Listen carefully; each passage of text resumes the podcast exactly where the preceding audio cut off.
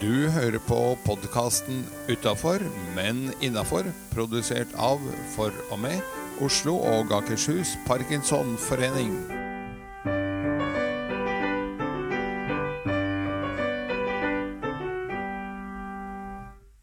Hei, jeg heter Seri Lind, og ved min side har jeg en sprudlende glad makker. Edgar. Hei, Edgar. Hei! Hva er kjøreplanen? Kjøreplanen er til forveksling lik eh, de tidligere episodene i det siste, hvor vi begynner med en bra start på dagen. Et tips til hvordan eh, alle som lytter og følger med, kan få en bra start på dagen. For vi tror jo at får du en bra start, så blir også resten av dagen bra. Og skulle du treffe på en motbakke eller to, så blir det lettere å takle motbakkene når du kommer bra ut av startblokkene. Og så blir det et eh, Parkinson-tips om hvordan du kan leve best mulig med denne sykdommen. eh, Som for så vidt også kan eh, brukes på, av pårørende og andre rundt pasienten. Og så har vi ukens gjest. En riktig høydare denne uken. Det har for så vidt alle gjestene våre vært, da. Hver på sitt område. Ja, det er de. Eh, Men vi kommer tilbake til ukens gjest, ja. Og så har vi kunngjøringer og eh, en quiz, antar jeg. Du har vel forberedt noen spørsmål der? Det har jeg, vet du. Og det er eh, stort sett innholdet i denne ukens podkast. Så en god start på dagen, Edgar. Har du hatt det, og hva har du da eventuelt gjort for å få det? For det er ikke sånn at hun nødvendigvis våkner opp og er glad av en sjøl. Vi må ofte ha kanskje gjort noe eller lagt noe til rette for.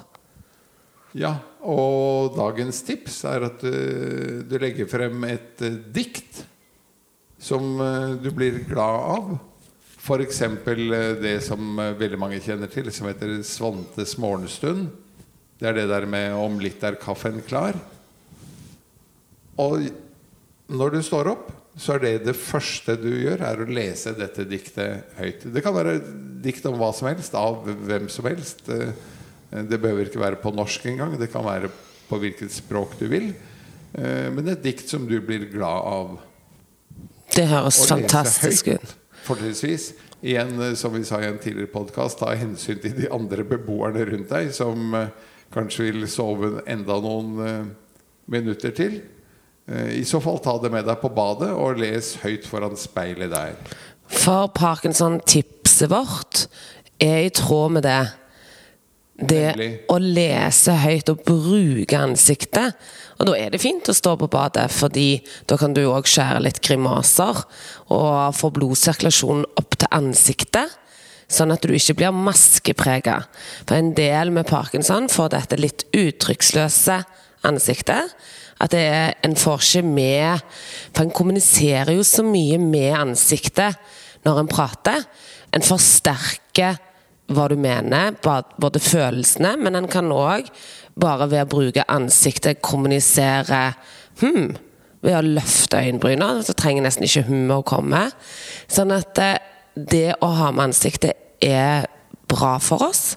Så stå i badet og le, les gjerne høyt, men bruk ansiktet. Og det handler om å få litt blodsirkulasjon opp, så du kan òg bruke en elektrisk tannbørste hvis det stående. Stryke den litt rundt omkring i ansiktet, og, ta, og trykke den litt rundt, sånn at du får ordentlig blodsirkulasjon opp. Nemlig. Og det er dette som er viktig, som du sier, for å få blodsirkulasjon opp og unngå maskefjespreget. Og bare det å lese et hyggelig dikt på noen få linjer, hvor du smiler, så går munnvikene opp. Og det alene gjør jo underverker i forhold til bare å stå Ja, du helt mutt og, og plutt. Det er det som er så fint. Å smile til seg sjøl i speilet, det er en undervurdert eh, metode. Nemlig. Du For... kan eh, sende slengkyss til deg selv i speilet. Det er mye du kan gjøre ut av dette. Det viktigste er at du faktisk gjør det. Men jeg så du, Edgar, kom inn litt sånn eh, mer rakrygga enn vanlig. Litt sånn stolt i, i, stemmen når jeg spurte om du hadde en bra morgen. Og det hadde du. Hvorfor hadde du det? Fordi at uh, i dag uh, skal vi ha professor Espen Dietrichs som ukens gjest i podkasten vår. Og jeg tenkte at når vi har kommet så langt Altså Han går jo for å være mer eller mindre eh, superguruen på Parkinsons eh, sykdom i Norge. Blant norske nevrologer og, og, forskere. Og så tenkte jeg at når eh, han stiller opp og tar seg tid, da har vi kommet et stykke på vei med podkasten vår. Det er moro. Så du... Det gjør meg stolt. at Jøye meg Han tar seg faktisk tid midt i en travel kalender til å snakke med oss. Men kunne du kjenne litt på at du ble stolt av at det fikk du til å ordne på kort tid? Ja, for vi hadde skal jeg være helt ærlig, så hadde vi en annen forespørsel ute, men han somlet litt med å melde tilbake. Uh, og så tenkte jeg hva gjør vi nå? Og så tok jeg en uh, kjapp telefon til uh, Espen Dietrichs. Og så stilte han altså opp. Han sa at ja, men vet du hva, det skal jeg klare å klemme inn. Og det er så viktig at du og vi andre kjenner på at når vi har gjort noe som vi er litt stolte av, så må vi eie det. En må ikke bare feie det vekk eller si 'jo, jo, men det kunne alle ha fått til', eller 'nei, sånn er det'. Eh, han er sikkert bare den typen som er så greie. Men det å eie når vi har fått til om det er å bygge noe, eller å ta en telefon, eller gjennomføre et eller annet som en har tenkt en skulle gjort lenge. Kjenn, eie det og vær stolt av det. Og det samme gjelder jo da alle de som er aktive i eh, forbundet og lokalforeningene. At når du skaper et medlemsmøte hvor det kommer folk, og som på vei ut igjen sier at dette var et bra møte, så ei det. Og sug litt ordentlig godt på den karamellen. Og helt rett, det gjøres veldig, veldig mye bra. Eh, også på det lokale plan, som sagt, hvor man har eh, Og det kan være at det ikke er folk som har et veldig stort navn, men de kommer og deler av sin kunnskap om en lang rekke forskjellige temaer. Eh, jeg vet at i Oslo Syd så har de fått uh, unge Syse til å komme. Sønn av gamle Syse, statsministeren. De har fått unge Nordengen, sønn av gamle ordfører Nordengen i Oslo. og en hel rekke andre til å komme og holde foredrag. Og dele sine kunnskaper og, og bakgrunn med publikum. Og når noen da klapper deg på skulderen når de går ut og sier 'dette var godt jobba', så ta imot, ikke si som, som, du sa 'ja, ja, nei, det var ikke så voldsomt, det', da. Det, ja. For det er ikke så enkelt å få disse menneskene i tale og få det til å klaffe med programmet for at vi har tenkt å ha medlemsmøte den onsdagen, og så få vedkommende til å stille opp. Det tar ofte litt jobbing frem og tilbake for å justere. Absolutt. Men eh, er det på tide å ringe opp eh, sjølveste Espen Didriksson? Det er det absolutt, så da gjør vi det, vi. Det gjør vi.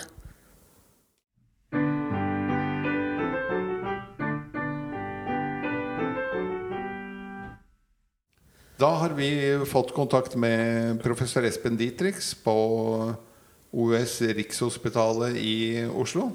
Velkommen inn, Espen. Takk skal du ha. Hei, hei. Hei, hei, ja.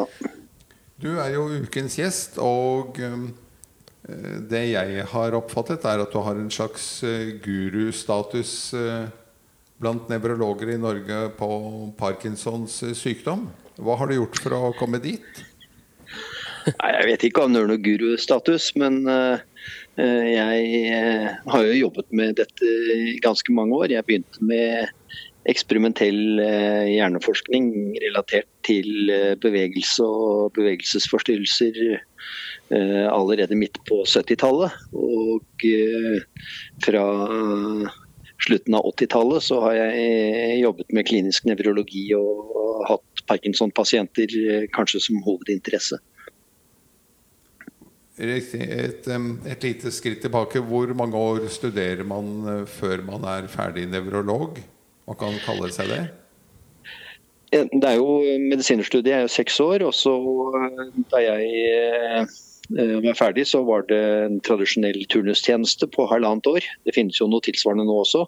Og deretter så er det minimum fem år for å bli ferdig legespesialist i nevrologi da, for mitt vedkommende.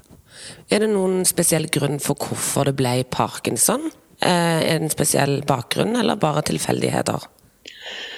Det er nok mange tilfeldigheter eh, underveis. Eh, jeg begynte med hjerneforskning som medisinerstudent. Eh, og da jeg studerte i Oslo og på Anatomisk institutt i Oslo i, den gang i Aula-bygningen, så var det et fantastisk hjerneforskningsmiljø. sånn at det var veldig naturlig å, å begynne med hjerneforskning. Og senere så er det forskjellige tilfeldigheter som har gjort at jeg eh, har drevet mest med, med bevegelse, bevegelsesforstyrrelser. Og da er jo Parkinsons sykdom den vanligste eh, sykdommen, den største pasientgruppen. Og da har det falt seg ganske naturlig.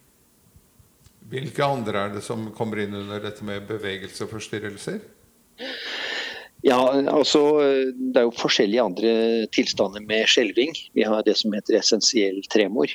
Eh, som er en ren skjelvetilstand. Vi har eh, forskjellige former for dystoni. Og ofte regner vi også med lillehjerneforstyrrelser med såkalt ataksi, med koordinasjonsforstyrrelser, eh, som en del av gruppen bevegelsesforstyrrelser. Og så er det en del ganske sjeldne sykdommer med enten som minner om parkinson, eller med andre former for ufrivillige bevegelser. Riktig.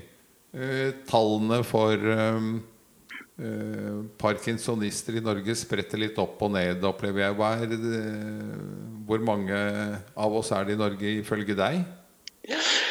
Ja, eh, det er ganske interessant som du sier at det spretter opp og ned. Det er faktisk ingen som vet med sikkerhet hvor mange parkinsonister det er i Norge. Eh, det tallet vi pleier å operere med er 8000 parkinsonister, hvor det da er mellom 6000 og 7000 med Parkinsons sykdom. Men vi har begynt å prøve å, å eh, eh, kvalitetssikre disse tallene, fordi det er ingen som egentlig har det eksakte tallet. Hva kommer det av? Nei, eh, vi har jo ikke noe Ganske bra tall på f.eks. brystkreft, eller? Ja.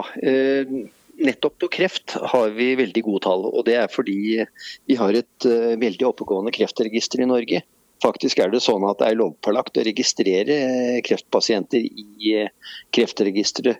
Og der har vi en svær organisasjon på Radiumhospitalet som styrer eh, Kreftregisteret. Sånn at der er hele infrastrukturen bygget opp for å kunne registrere alle pasienter med kreft og alle som får kreftbehandling. Vi begynner å bygge opp et Parkinson-register i Norge også, men det kommer ikke til å få et obligatorisk registrering, sånn at eh, det å få et Parkinson-register med, med, 100 eh, oppdatering, det kommer til å bli fryktelig vanskelig. Og, og, det gjelder egentlig nesten alle andre sykdommer også. Det er kreft som er i en særstilling. Akkurat. Um, jeg leste for en tid tilbake en eh, interessant bok som het 'Ending Parkinson's Disease', skrevet av fire amerikanske leger og de tok opp eh, faktisk akkurat brystkreft, for de sa at eh, årsaken til at det skjer så mye på det området, er jo at det lages enormt mye oppmerksomhet hvert år med rosa sløyfer og, og hva. og de skriver flere steder i boken at nå må parkinsonister også be loud. Altså støye mer ja. for å få mer oppmerksomhet. Hva er dine tanker om det? Jo, nei, det er jo klart eh, Det å ha en sterk pasientorganisasjon som er høylytt, det er eh, eh, viktig for å få fokus på sykdom, og, og gjennom fokus også få mer forskningsmidler og, og større oppmerksomhet. Nå vil jeg jo si at det er som du sier, Kreft og Kreftforeningen er jo veldig sterke. Det er enkelte andre pasientforeninger også som er veldig sterke. Parkinsonforbundet er ikke dårlig det heller. Og, og Parkinson er jo i en slik sammenheng en, en relativt stor sykdom. Sånn at uh, hvis man sammenligner mange forskjellige sykdommer, tror jeg ikke Parkinson er de som kommer dårligst ut. Uh, men det å ha en veldig sjelden sykdom som få har hørt om, uh, det er jo et større problem i slik sammenheng med oppmerksomhet og forskningsmidler. Hvor står vi nå i forskningen på parkinson? Er det noen lovende resultat der ute innenfor forskjellige måter å forske på? Ja, det er, det er jo enormt mye forskning rundt omkring i verden, og også masse forskning i Norge på Parkinsons sykdom. Og eh, vi tar hele tiden eh, små skritt fremover. Eh, vi venter jo på at det skal komme et stort gjennombrudd, selvfølgelig, men det er vanskelig å si akkurat når, når gjennombruddene kommer. Et av de store problemene det er med parkinson, er at Parkinsons sykdom er ikke én sykdom det er egentlig mange forskjellige sykdommer. Og eh, to forskjellige pasienter med Parkinsons sykdom kan ha forskjellig årsak til sykdommen.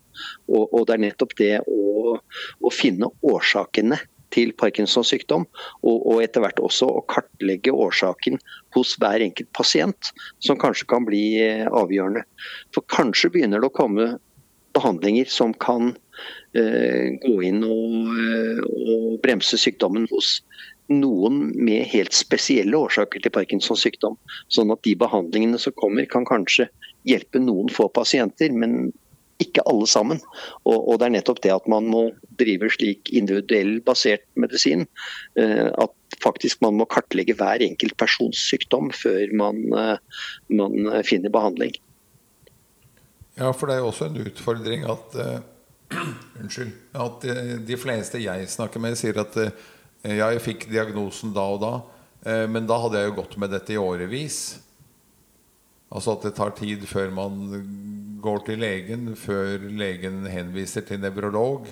Eh, før nevrologen har tid og, og til å stille diagnosen da. Ja, eh, det er klart det er en langsomt utviklende sykdom. Og eh, vi vet jo at sykdomsaktiviteten nok har pågått i, i mange år før man eh, får symptomer og, og før man får diagnosen.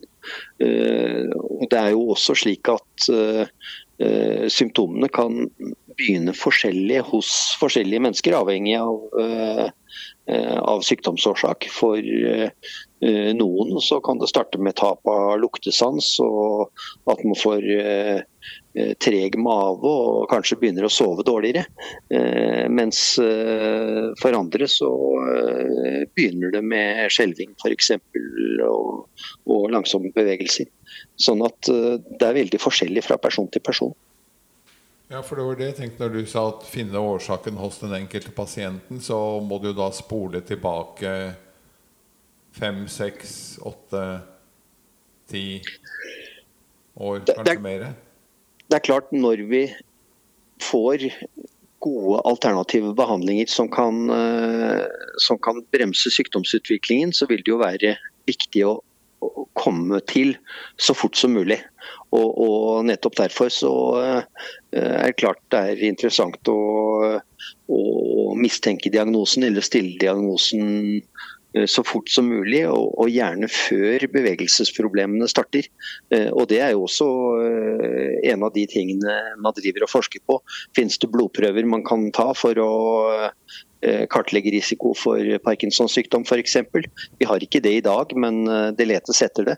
Eh, det jeg sier med tap av luktesans, søvnforstyrrelse og treg avføring, er det faresignaler som gjør at man skal prøve å gå videre i, kartlegging av eventuell begynnende Parkinsons sykdom. Det er, det er mange slike spørsmål som, som forskerne jobber med nå. Riktig. Jeg har også eh, Jeg vet ikke riktig hvor jeg så det nå, men eh, noen hevder at traume kan, kan gi startskuddet for parkinson. Det er, altså, det er veldig få som har bare én årsak til sykdommen sin. Vi regner med at uh, kanskje drøyt 5% av Parkinson-pasienter har en rent arvelig sykdom, hvor vi kan påvise en uh, konkret genfeil som uh, forårsaker sykdommen. Men det betyr at de 95% andre de har ikke en rent genetisk årsak, og sannsynligvis en blandet årsak av eh, mange forskjellige faktorer. Og eh, ytre faktorer, enten det er infeksjonssykdommer eller eh, hodeskader f.eks., kan være med på det. Vi vet jo at uh, det er økt forekomst av parkinson hos proffboksere. Og uh, Mohammed Ali er selvfølgelig det aller mest uh, kjente tilfellet. Vi har noe som heter encefalitis mm, pugilistica, eller altså hjernesykdom hos boksere, som minner om Parkinsons sykdom. Akkurat Muhammed Ali han der var det ekte Parkinsons sykdom, og man kan jo mistenke at gjentatte slag mot hodet hadde vært en medvirkende årsak i hans tilfelle. Eh, men det er jo litt interessant, for at i motsatt ende av skalaen så er det jo en del av oss som går på boksetrening. På ja, men, men, den boksetreningen som foregår i regi av eh, de lokale Parkinson-foreningene, er jo da eh, non-kontakt, hvor man uh, skyggebokser. og Da er jo uh, boksetreningen en, uh, en, fantastisk god form for trening. Men dere prøver jo ikke å slå knockout og hodestøt. Nei, nei, vi gjør ikke det. Vi slår riktignok på hverandres hansker og på, på sånne boksesekker som henger ned fra taket. De får jo gjennomgå skikkelig hver gang jeg er med, i hvert fall. Men du som kan så mye om parkinson, er det sånn at du er da mer du, Er du mer redd for å få diagnosen enn meg som kan lite, eller er det sånn at kunnskap er makt? At det gjør at du kan så mye om det at du tenk, går ikke og tenker på det? Nei, jeg går egentlig ikke og, og tenker eh, så mye på det. Det er uh, det er så mange faktorer du er prisgitt på eh, om du skal utvikle en sykdom eller ikke. Sånn at eh, eh, om jeg skulle få Parkinsons sykdom eller skulle få en annen nevrologisk sykdom, det, eh, det, kan jeg ikke gjøre så veldig mye med i dag. Sånn at eh, det tenker jeg egentlig ingenting på. Er det noen nevrologer som har utviklet sykdommen i Norge? Ja da. Det, det, er det. Altså, Parkinsons sykdom er jo såpass hyppig at uh, vi har uh, sannsynligvis akkurat lik stor uh, andel Parkinson-pasienter blant nevrologer som vi har blant andre yrkesgrupper. Men i forhold til mange andre sykdommer som får sånn oppskrift for å ikke utvikle, for å ikke utløse, eller eh, Hva er liksom tipsen innen parkinson for å ikke få parkinson? Er det bare å unngå slag mot hodet? Spesielt diett? Kosthold? Vi har altså eh, ikke så veldig mye eh, holdepunkter for for ting man kan gjøre, verken for å redusere risikoen eller øke risikoen for å få Parkinsons sykdom. Sånn at eh, vanlige eh, leveregler gjelder både for å unngå Parkinsons sykdom og egentlig for alle andre ting.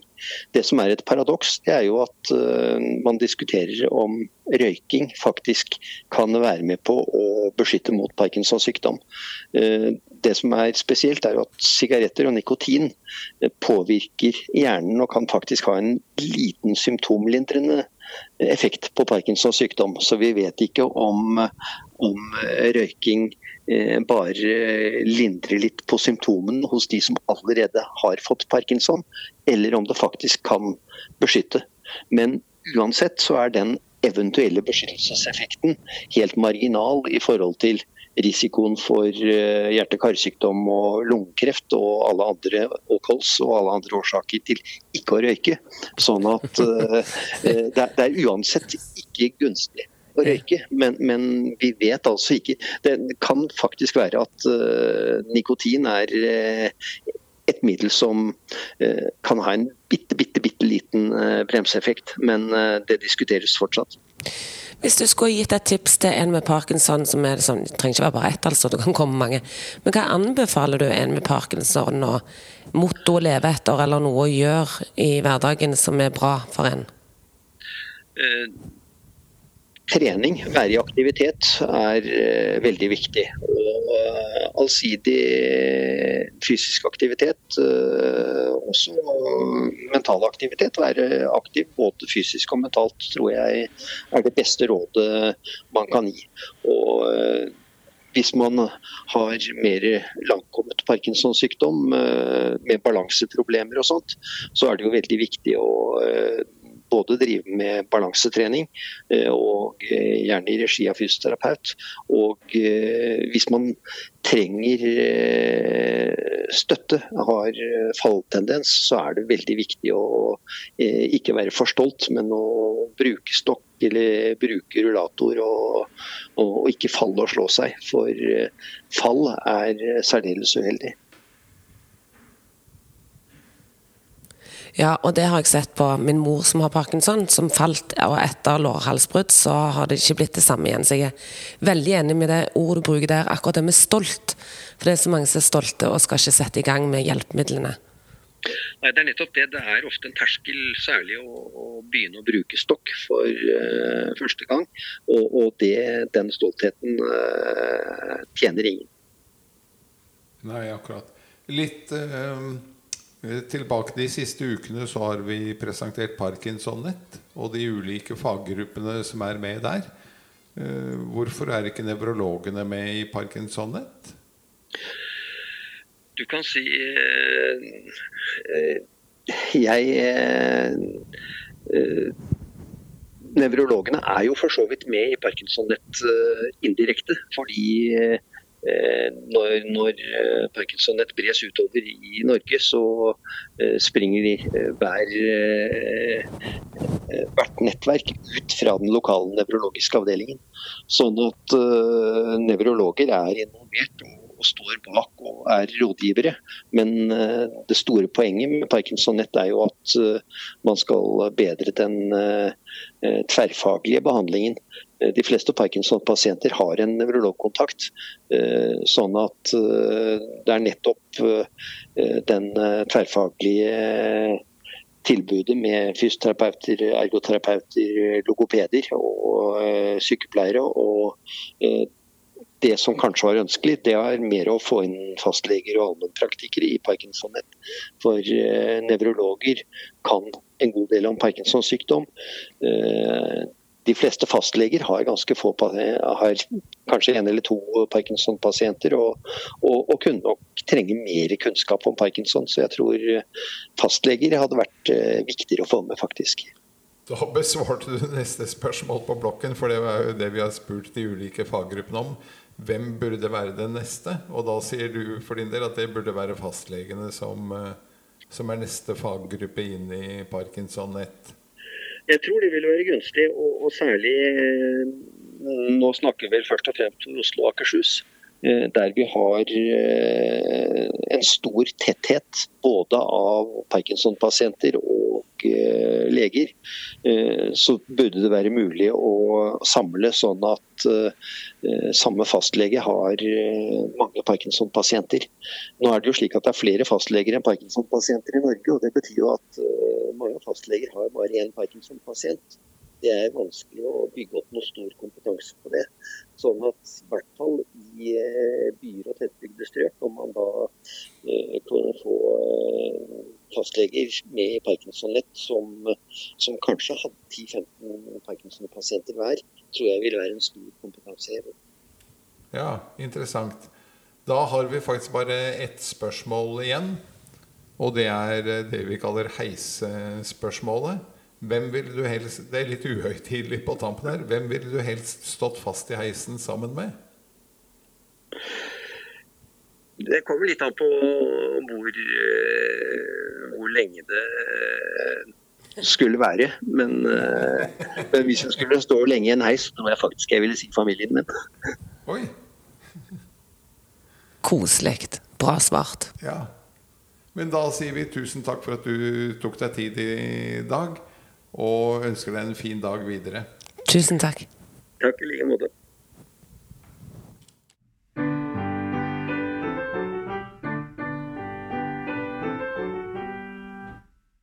Da har vi kommet til eh, spalten kunngjøringer. Og eh, hva har vi der, Edgar? Du, der eh, vil jeg fokusere på pårørendegrupper i dag. Det er pårørendegrupper eh, både i Oslo vest eh, er det flere. Eh, det er eh, i Follo og eh, under etablering i Oslo nord. Og dette er viktig. Fordi veldig mange opplever at pasienten blir spurt av venner og kjente og kolleger og, og ja, alle i nettverket sier ja, 'Hvordan går det med deg da, Edgar?' Og så er det veldig veldig få som spør hvordan det går med min kone. Hvordan hun tar dette. Hvordan det preger hennes hverdag. Eh, Og det er ikke bare jeg som opplever det, det er mange som opplever det. Og nettopp derfor er pårørendegruppene en viktig faktor for å gjøre at eh, de pårørende også har noen å, å snakke med. Det betyr at det er andre likesinnede, da. Men det er jo et bra sted å, å starte. Er, eh, hvordan opplever du å bli spurt eller ikke bli spurt? Hvordan opplever du at partneren din eh, kanskje går litt mer krumbøyd enn før? Litt stivere? Ja, så er det jo sånn Stemmen, alle symptomene. Hvordan takler dere dette i hverdagen? Og så sitter det noen andre der som sier jo, vi takler det sånn og sånn. Og så booster man hverandre opp. Ja, For det er jo sånn at uh, Mr. Parkinson flytter jo inn i parforholdet.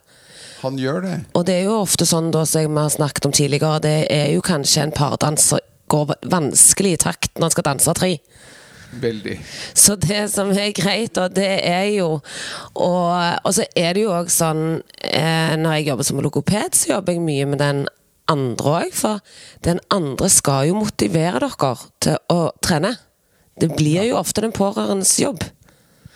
Nemlig. Og det å da gi litt tilbake igjen, gi noe energi tilbake igjen til den pårørende, og prøve å få se om det For det hjelper via pårørendegrupper. Så jeg håper bare at eh, folk melder seg på. Det håper jeg også. Dette er eh, veldig viktig. Eh, og du finner mer informasjon om pårørendegrupper i din lokalforening på parkinson.no. Nemlig. Og på den lette siden så Uh, har de fleste lokalforeningene også et type julearrangement. Jeg tror faktisk ganske mange har havnet på 1. desember av en eller annen årsak. Eh, det er ikke noe koordinering eller noe som har vært gjort. Men veldig mange har et type juletreff da.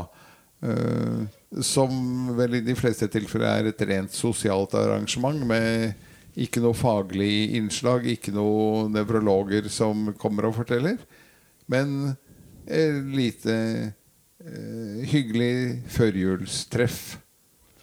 Og det. Og det er også viktig å ta noen timer hvor man ikke nødvendigvis snakker om sykdommen og piller og hva slags medisin tar du, og hvordan eh, funker det.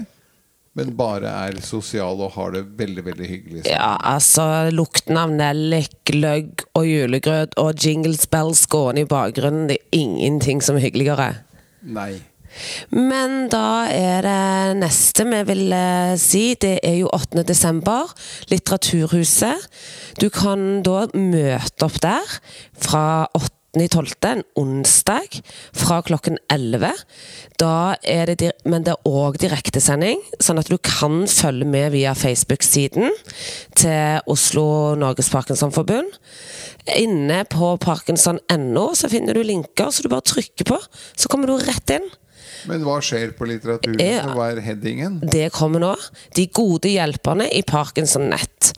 Så her vil du da eh, møte en rekke fagpersoner med kompetanse på parkinson, som vil fortelle mer om hva de kan gjøre for deg som har Parkinsons sykdom.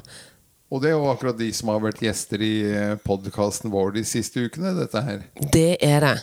Always one step ahead. Yes. Så husk, kunnskap er makt, og det gjelder òg kunnskapen over egen sykdom og egen kropp.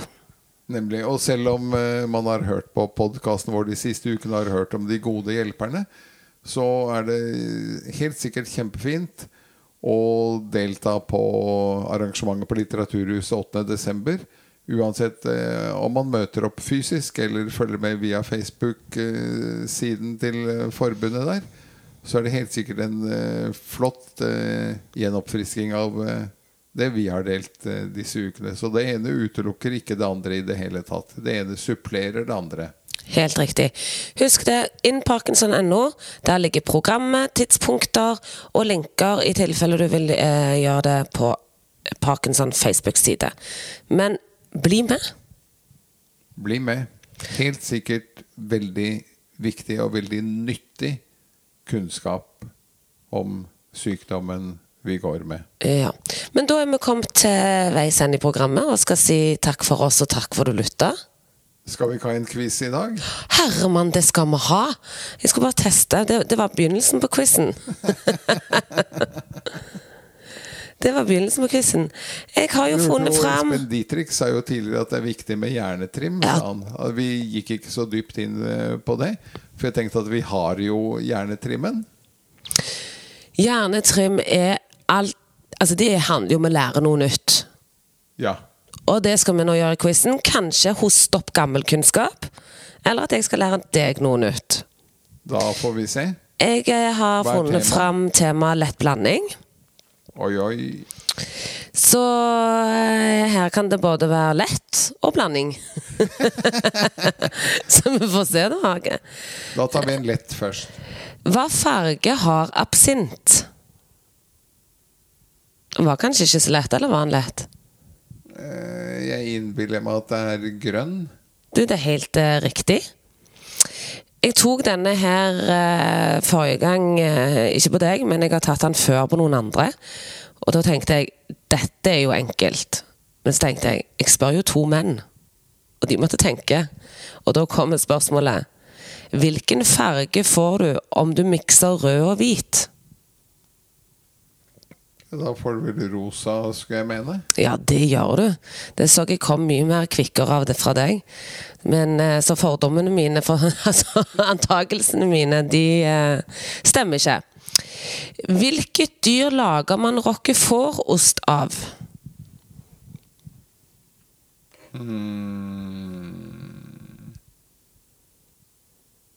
Man lager skjever av geitemelk. Man eh, Jeg gjetter på sau, jeg, da. Du, det er helt riktig. Så her er det foreløpig bare lett for deg, i hvert fall. Ja. Eh, I hvilken by er The Doors-vokalisten Jim Morrison gravlagt? Det vet jeg Eller jeg mener å, å vite det. Eh, at det er på en kirkegård i Paris. Det er helt riktig.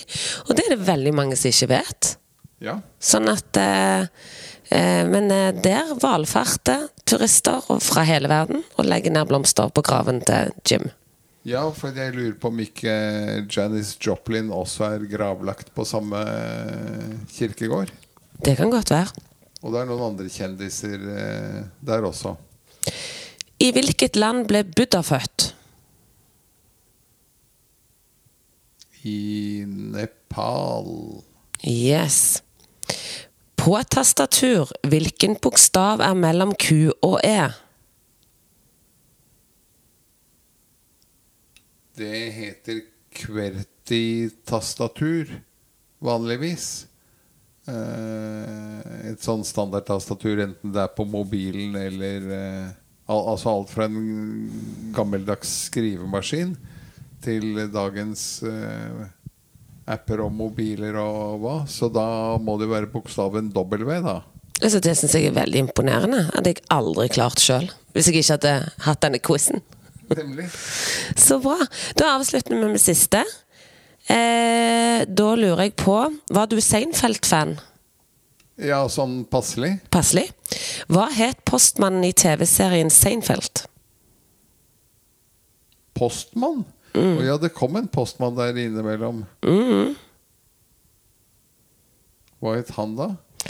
Kramer het Kramer. Og Seinfeld het Seinfeld. Og så var det George, og så var det Julia.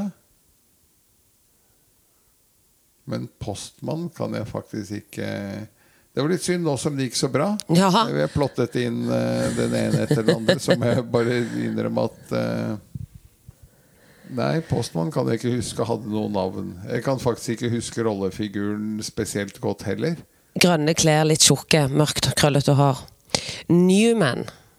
Ja, ja, ja, ja. Det var han som eh, ble fremstilt som en ordentlig ekkel person. Ja. Og New, som i New Og jeg tror ikke, mann som får en sånn rolle. og jeg tror ikke titlen, navnet hans er valgt helt tilfeldig i navnet New Man. Sånn at uh, Seinfeld var en bra serie. Da er vi kommet til veis ende. Da, Da skal vi vi takke for, takke for oss. Men det gjør jo ikke noe å si takk for at du lytta to ganger. Det gjør ikke det, vet du. Og du er hjertelig velkommen til å høre på nye episoder i fremtiden. Og så minner vi om at uh, der hvor du fant denne podkasten, finner du også tidligere episoder av Utafor, men innafor. Og det kan hende at du du tenker at jeg lurer på om det er noe jeg har hoppet over. Da kan du gå tilbake til episodeoversikten på den portalen du bruker, og se hva du har gått glipp av. Takk for at du lytta. Du har eh, hørt på podkasten Utafor, men innafor, produsert av For og med Oslo og Akershus Parkinsonforening. Vi håper du har hygget deg, og ønsker deg hjertelig på gjenhør i nye sendinger.